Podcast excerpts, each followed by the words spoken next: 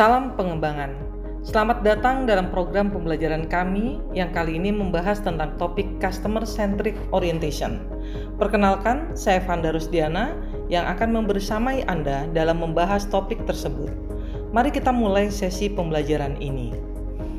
Sahabat pembelajar, meskipun istilah customer centric semakin banyak digunakan di dunia bisnis, Tetap saja, banyak organisasi yang belum mampu mendefinisikan dan menerapkan customer centric ini dengan sukses. Ya, customer centric masih menjadi sebuah konsep yang rumit. Banyak organisasi atau perusahaan merasa telah menggunakan pendekatan customer centric. Mereka menganggap customer centric adalah tentang menyempurnakan layanan pelanggan atau mengubah strategi perusahaan agar lebih selaras dengan kebutuhan pelanggannya.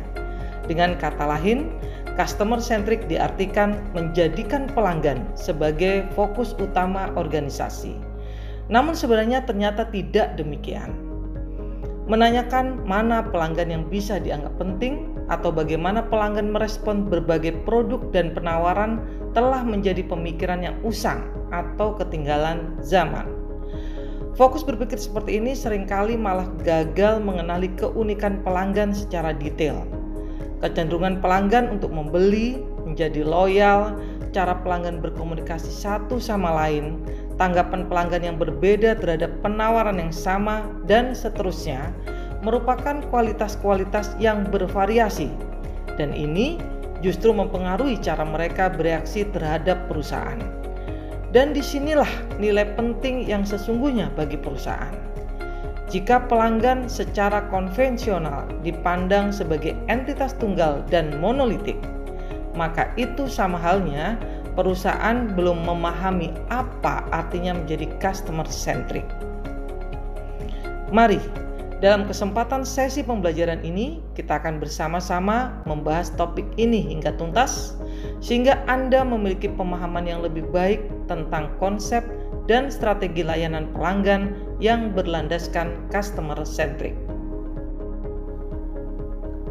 Dalam bukunya yang berjudul Customer Centricity: Focus on the Right Customer for Strategic Advantage, Peter Feder mendefinisikan customer centric sebagai strategi yang menyelaraskan pengembangan dan penyampaian produk dan layanan perusahaan dengan kebutuhan saat ini maupun masa depan pelanggan prioritas untuk memaksimalkan nilai finansial jangka panjang pelanggan ini bagi perusahaan.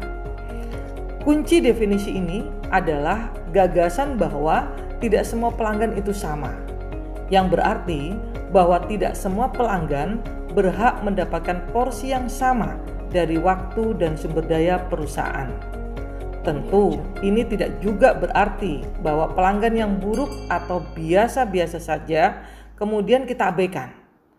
Inti poinnya, perusahaan pun harus menghitung sejauh mana akan mengalokasikan sumber dayanya untuk pelanggan jenis ini.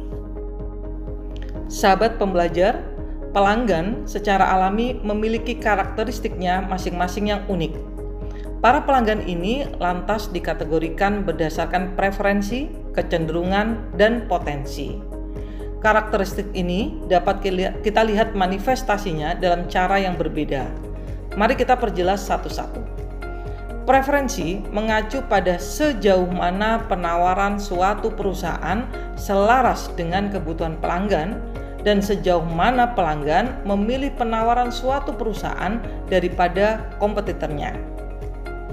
Kecenderungan dapat dilihat dengan menilai tindakan pelanggan Kemungkinan pelanggan menjadi loyal, merujuk atau memberikan rekomendasi kepada orang lain, membeli penawaran produk dan jasa perusahaan dengan nilai yang lebih tinggi, dan seterusnya. Sementara itu, potensi adalah nilai masa depan setiap pelanggan dan apa yang mungkin kita investasikan ke depan. Refleksikan, apa yang dapat kita lakukan untuk mempertahankan meningkatkan, dan memperbesar nilai pelanggan bagi perusahaan. Begitu mampu mengidentifikasi nilai pelanggan dalam setidaknya tiga karakteristik ini, maka kita akan menyadari betapa heterogennya pelanggan yang kita miliki, dan tentu saja akan semakin jelas terlihat peluang yang bisa dimanfaatkan untuk mengembangkan bisnis dengan berfokus pada pelanggan secara tepat. Perusahaan yang benar-benar berpusat pada pelanggan berusaha memahami karakteristik inherent yang membentuk pelanggan dengan value tinggi. Itu sebabnya banyak perusahaan dan bisnis yang kemudian membangun sistem manajemen hubungan pelanggan secara modern atau yang kita kenal dewasa ini dengan customer relationship management. Melalui sistem ini pula, perusahaan kemudian mengidentifikasi pelanggan lain dengan karakteristik yang serupa. Dari sudut pandang retensi dan pengembangan pelanggan, mengetahui siapa pelanggan terbaik memungkinkan sumber daya yang terbatas dalam perusahaan dimanfaatkan dengan cara yang lebih produktif dan efektif untuk memberikan layanan kepada pelanggan tersebut. Pada akhirnya, rangkaian aktivitas dan program layanan pelanggan yang dikembangkan akan meningkatkan nilai pasar bisnis perusahaan. Sahabat pembelajar, setelah mendefinisikan sentrisitas pelanggan, mari bandingkan konsep tersebut dengan strategi bisnis pada umumnya, yakni sentrisitas produk atau berfokus pada produk. Banyak perusahaan komersial masih menggunakan pendekatan produk sentris dalam menjalankan atau mengembangkan bisnisnya. Mereka ini bergerak dari proposisi menjual sebanyak mungkin produk dan layanan kepada sebanyak mungkin pelanggan dengan tanpa mengenali karakteristik unik pelanggan. Strategi ini jelas-jelas mengabaikan nilai pelanggan bagi perusahaan dan bisnis. Ketika perusahaan mengabaikan nilai pelanggan dan terobsesi hanya pada produk, maka sudah dipastikan bahwa perusahaan harus mampu memaksimalkan kekuatan produk, alih-alih berinvestasi dalam strategi yang akan menghasilkan return yang lebih tinggi dengan berusaha memperoleh, mempertahankan, dan mengembangkan pelanggan dengan nilai tertinggi atau disebut the highest value customers. Pendekatan produk sentris ini cenderung mengabaikan heterogenitas pelanggan dan membuang-buang sumber daya yang berharga untuk mengejar penjualan produk kepada siapa pun dan semua orang dengan biaya berapapun. Contoh kegagalan produk sentrik ini bisa dilihat dari jumlah pusat perbelanjaan dan toko yang mengalami tutup dan bangkrut dalam beberapa tahun terakhir. Macy's merupakan salah satu retail terbesar di Amerika Serikat yang sejak tahun 2016 telah menutup 15% dari total tokonya. Ini berarti hilangnya lebih dari 10.000 pekerjaan. Tahun 2017 adalah merupakan tahun kelam yang tidak ingin diingat dalam sejarah retail di Amerika Serikat, di mana hampir 9.000 jaringan toko mengalami kebangkrutan dan tutup untuk selamanya. Mari kita lihat studi kasus yang lain. Best Buy Best Buy adalah sebuah perusahaan asal Amerika Serikat yang bergerak di industri retail. Perusahaan ini didirikan di Minnesota pada tahun 1966 dan saat ini memiliki sekitar 140.000 karyawan. Best Buy digadang-gadang akan berkembang seperti halnya Com USA, Circuit City, dan Radio Shack. Melawan segala rintangan, Best Buy telah berhasil bangkit kembali dari keterpurukannya dengan beralih ke strategi yang berpusat pada pelanggan.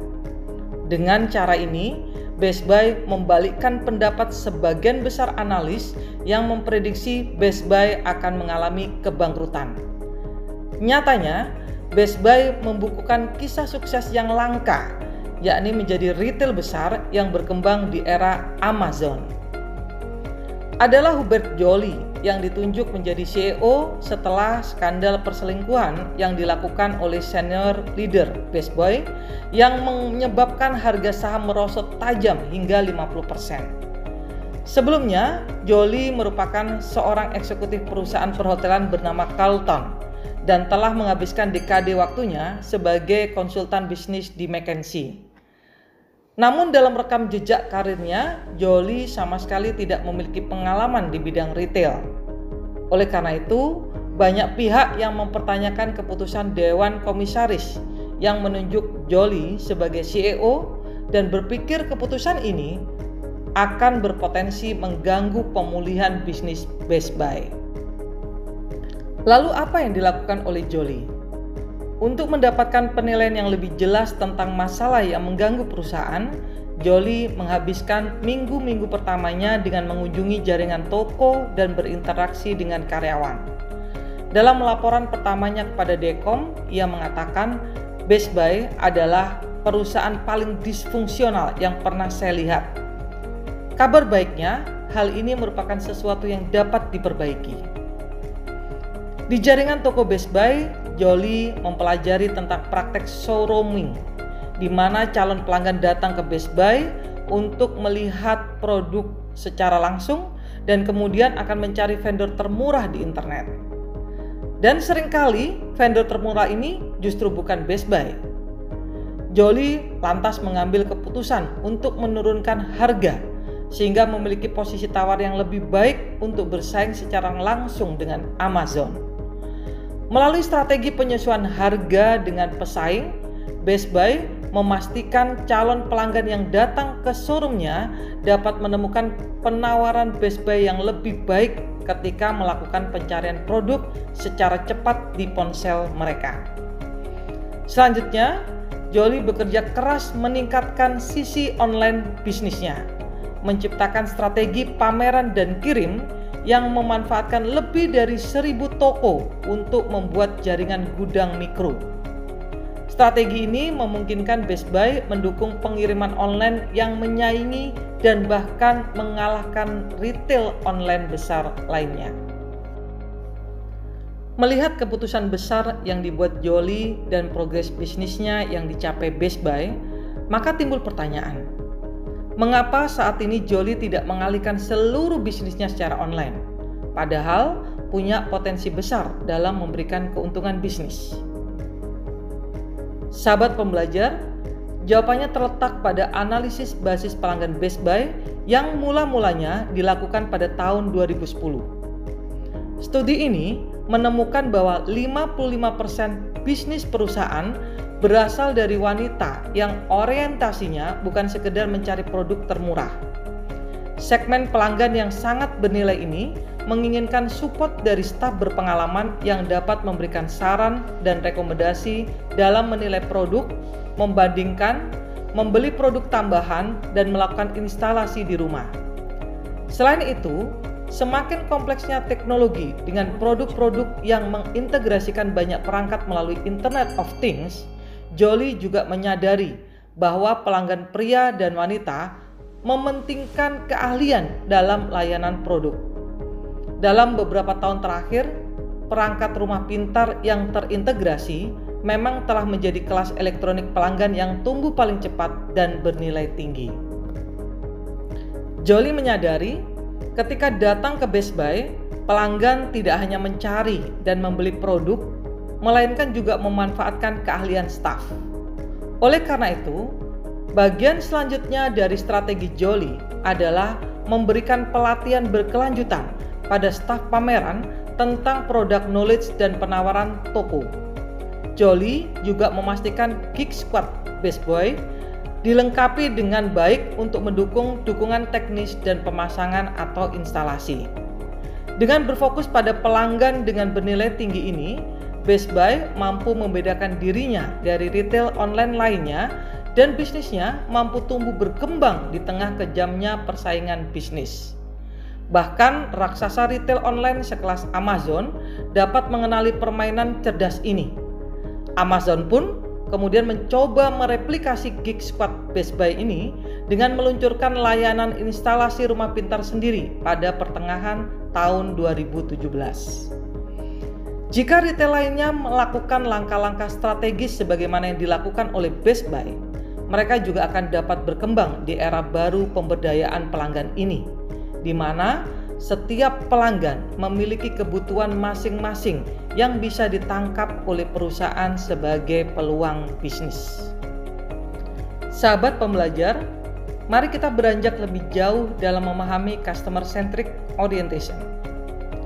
Dalam dunia bisnis ada istilah Customer Lifetime Value atau CLV atau terjemahannya adalah nilai seumur hidup pelanggan.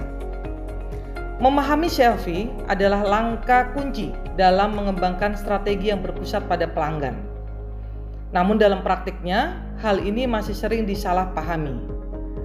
Peter mengambil langkah besar untuk mempopulerkan pentingnya bahasan tentang CLV dalam kancah dunia bisnis dengan mendirikan perusahaan analitik prediktif yang diberi nama Zodiac pada tahun 2015. Perusahaan ini menghadirkan kejelasan, kredibilitas, dan standar yang tinggi, namun dapat dicapai berkenaan dengan perhitungan dan penerapan praktis CLV. Karena pembuktiannya, Zodiac pada akhirnya dibeli oleh Nike pada awal tahun 2018. Ada banyak rumus CLV yang digunakan di internet dan di kelas pemasaran dunia. Sayangnya, kebanyakan dari rumus ini cacat. Peter bersama dengan Bruce Hardy telah menjelaskan kebingungan kolektif dalam menghitung CLV di beberapa artikel. Penting bagi kita memahami rumus mana yang paling akurat dan paling berguna, serta permasalahan mendasar apa yang mengganggu. Dengan memahami perbedaan ini, kita akan mendapatkan tambahan wawasan tentang bagaimana pola operasi dinamika pelanggan dan beberapa mitos umum yang harus dihindari. Sahabat pembelajar, CLV adalah pengukuran prediktif berwawasan ke depan yang dihitung dengan memodelkan dan memproyeksikan hal-hal berikut ini. Berapa lama hubungan pelanggan berlangsung untuk pelanggan yang berhenti? Atau kemungkinan akan bertahan untuk pelanggan aktif dan pelanggan masa depan. Berikutnya, jumlah transaksi. Berikutnya, nilai transaksi. Dan aktivitas non-finansial lain yang mungkin dilakukan pelanggan, misalnya melihat situs web, keinginan mencoba produk lain, memposting peringkat dan ulasan tentang produk perusahaan, dan atau merujuk calon pelanggan lainnya. Perlu diingat bahwa setiap pelanggan saat ini dan yang akan diakuisisi yang mewakili bisnis perusahaan di masa depan, CLV yang diidentifikasi masih didasarkan pada prediksi. Karena memang belum ada cara pasti untuk mengetahui jumlah periode aktual mereka akan tetap menjadi pelanggan, berapa banyak pembelian yang akan mereka lakukan, dan seterusnya. Dengan demikian, Hal-hal di atas masih merupakan CLV yang diharapkan atau disebut dengan expected CLV. Merujuk pada Peter, kita bisa menggunakan acuan konsep nilai umur pelanggan sebagai CLV. Selain itu, CLV didefinisikan sebagai keuntungan finansial perusahaan di masa depan dari hubungan pelanggan yang bisa dihitung saat ini. Masa depan menjadi kata operatifnya, untuk menghitung CLV, kita harus memproyeksikan lamanya waktu pelanggan akan tetap aktif atau loyal dengan memperhitungkan probabilitas ketidakpastian yang mempengaruhi proyeksi tersebut. Kita pun harus mempunyai uh, proyeksi tentang perilaku menarik lainnya dari pelanggan. Misalnya, berapa banyak transaksi yang akan dilakukan pelanggan sepanjang hidupnya seberapa besar transaksinya. Boleh dikatakan, angka ini sifatnya sangat kritis.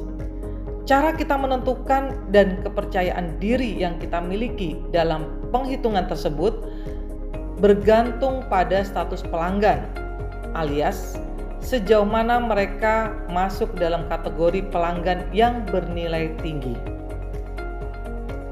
Sahabat pembelajar, Berikutnya kita akan bahas bersama tentang kesalahan-kesalahan dalam CLV. Pemahaman tentang hal ini nantinya akan memberikan peluang bagi perusahaan mengembangkan strategi customer centric yang sukses.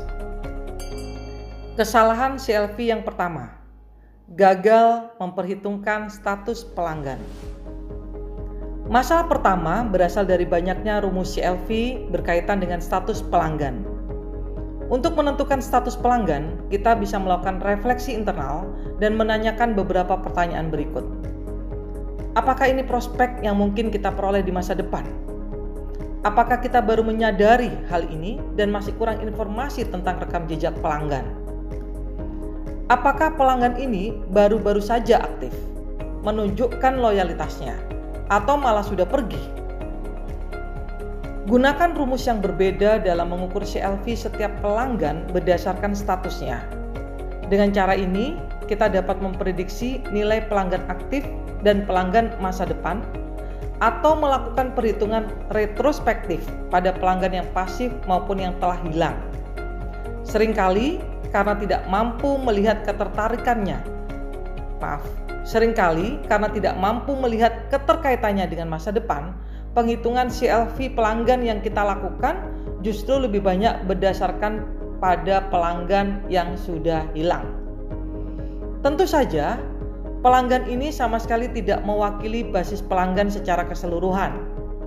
Oleh karenanya, meskipun kita memanfaatkan data pelanggan kategori ini untuk membangun model yang akan membantu memprediksi secara lebih baik tentang bagaimana kinerja pelanggan saat ini dan yang akan datang, kita juga tetap harus menghitung ketidakpastian model tersebut pada pelanggan aktif maupun yang belum diakuisisi. Ada peluang besar dan luar biasa dari menggali informasi tentang pelanggan masa lalu untuk membantu menopang prediksi kita tentang nilai pelanggan saat ini dan masa depan. Di sini perlu diperhatikan poin pentingnya. Ketika menggali data tentang pelanggan lama, pastikan agar kita tidak hanya menggabungkan para pelanggan ini ke dalam satu database. Namun yang paling utama adalah kenali heterogenitas para pelanggan.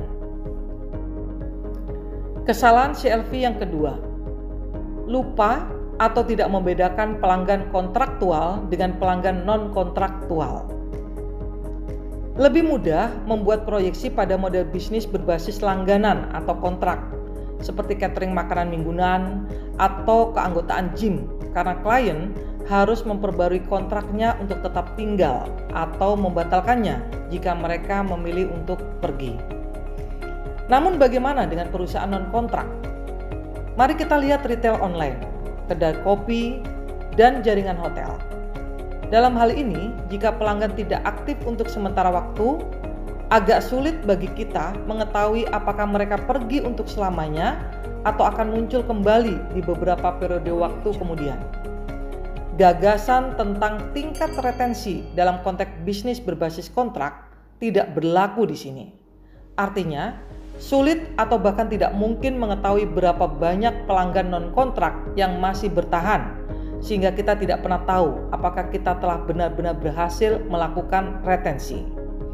Karena alasan ini, maka tidak ada formula CLV tunggal yang dapat digunakan atau berlaku untuk semua bisnis kontrak dan non-kontrak.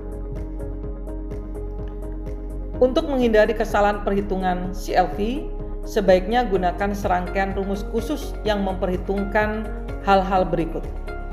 Apakah model bisnis bersifat kontraktual atau non-kontraktual? Apakah klien merupakan pelanggan saat ini, baru diakuisisi, atau merupakan aset masa depan?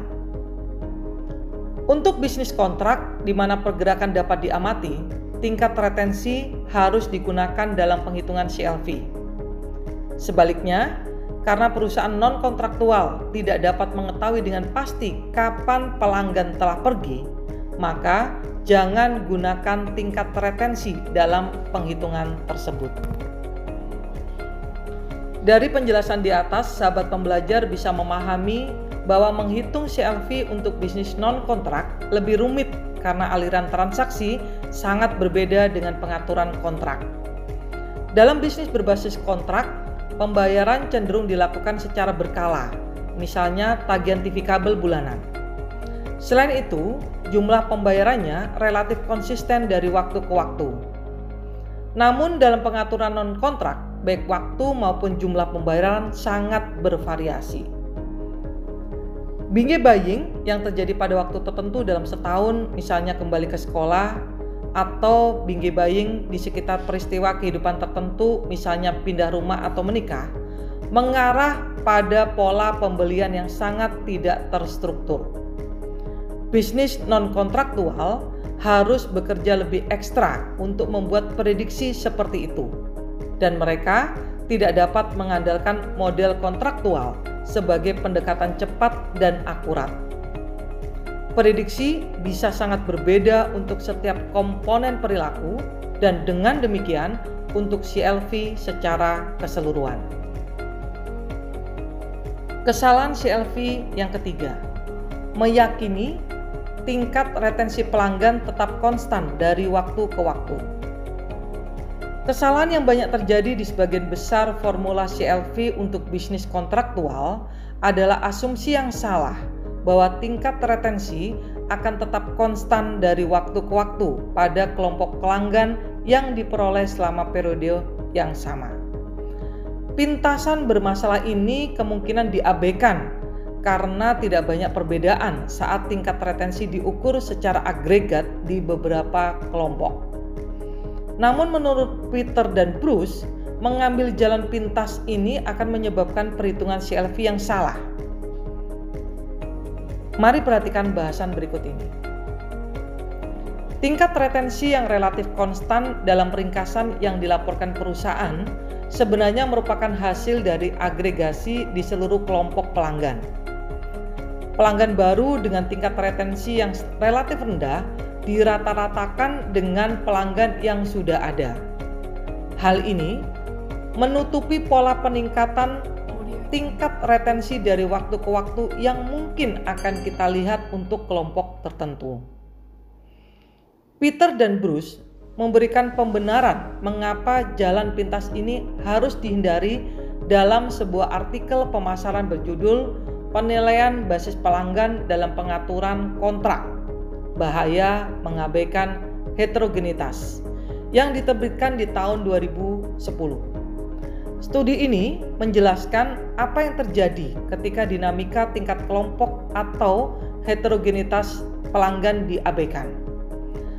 Akan timbul ketidakakuratan apabila mengabaikan berbagai tingkat retensi dalam kelompok pelanggan dari waktu ke waktu.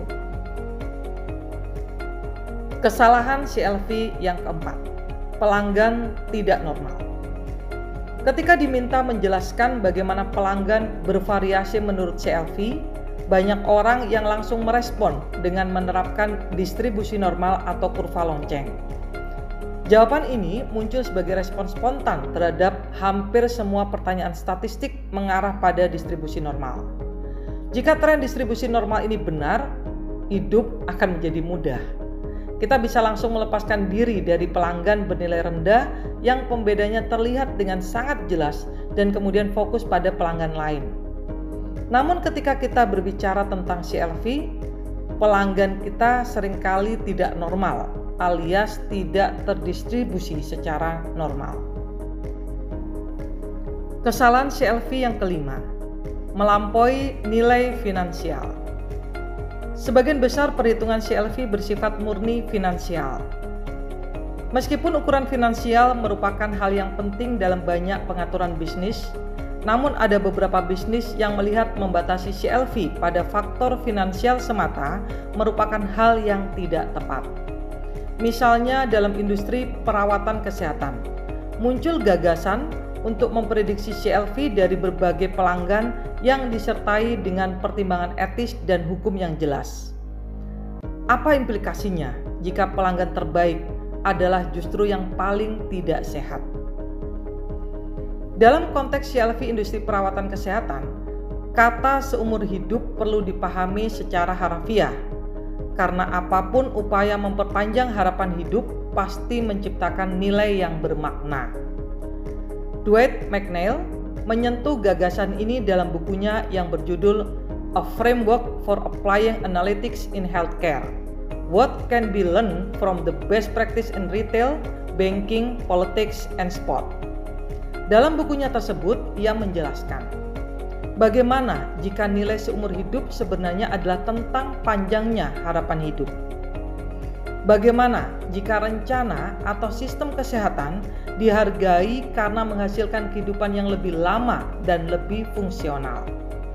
Dan bagaimana jika keuntungan finansial untuk nilai seumur hidup ini lebih besar daripada memproduksi lebih banyak layanan? Jadi, konsep nilai seumur hidup semuanya mengarah pada orientasi nilai. Menggunakan metode analitis untuk melacak orang secara longitudinal selama seumur hidup akan memberikan informasi tentang fokus pada perbaikan perawatan kesehatan dalam jangka panjang. Analitis CLV juga dapat digunakan untuk meningkatkan kesehatan bagi semua orang, untuk menyelesaikan semua permasalahan kesehatan, dan dengan demikian dapat menambah nilai serta memperkuat merek melalui integritas dan dedikasi memberikan layanan kesehatan dan kesejahteraan untuk semua pelanggan.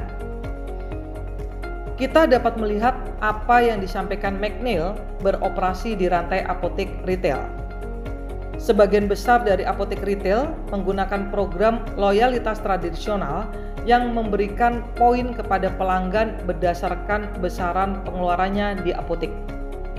Namun ada beberapa yang memiliki skema hadiah kesehatan yang terpisah, yakni pelanggan mendapatkan poin untuk membeli produk kesehatan atau mendapatkan tindakan peningkatan kesehatan lainnya seperti mendapatkan suntikan flu atau tes tekanan darah. Apa pun skenario programnya, seharusnya perusahaan tetap memperhatikan sentrisitas pelanggan dan konsep nilai. Mari kita perhatikan contoh berikut ini. Organisasi masyarakat yang digerakkan oleh anggota seperti lembaga keagamaan dan badan amal seharusnya tidak hanya melihat jumlah atau besaran donasi, tetapi juga harus memperhitungkan upaya sukarela dan jenis keterlibatan positif lainnya dari para anggota.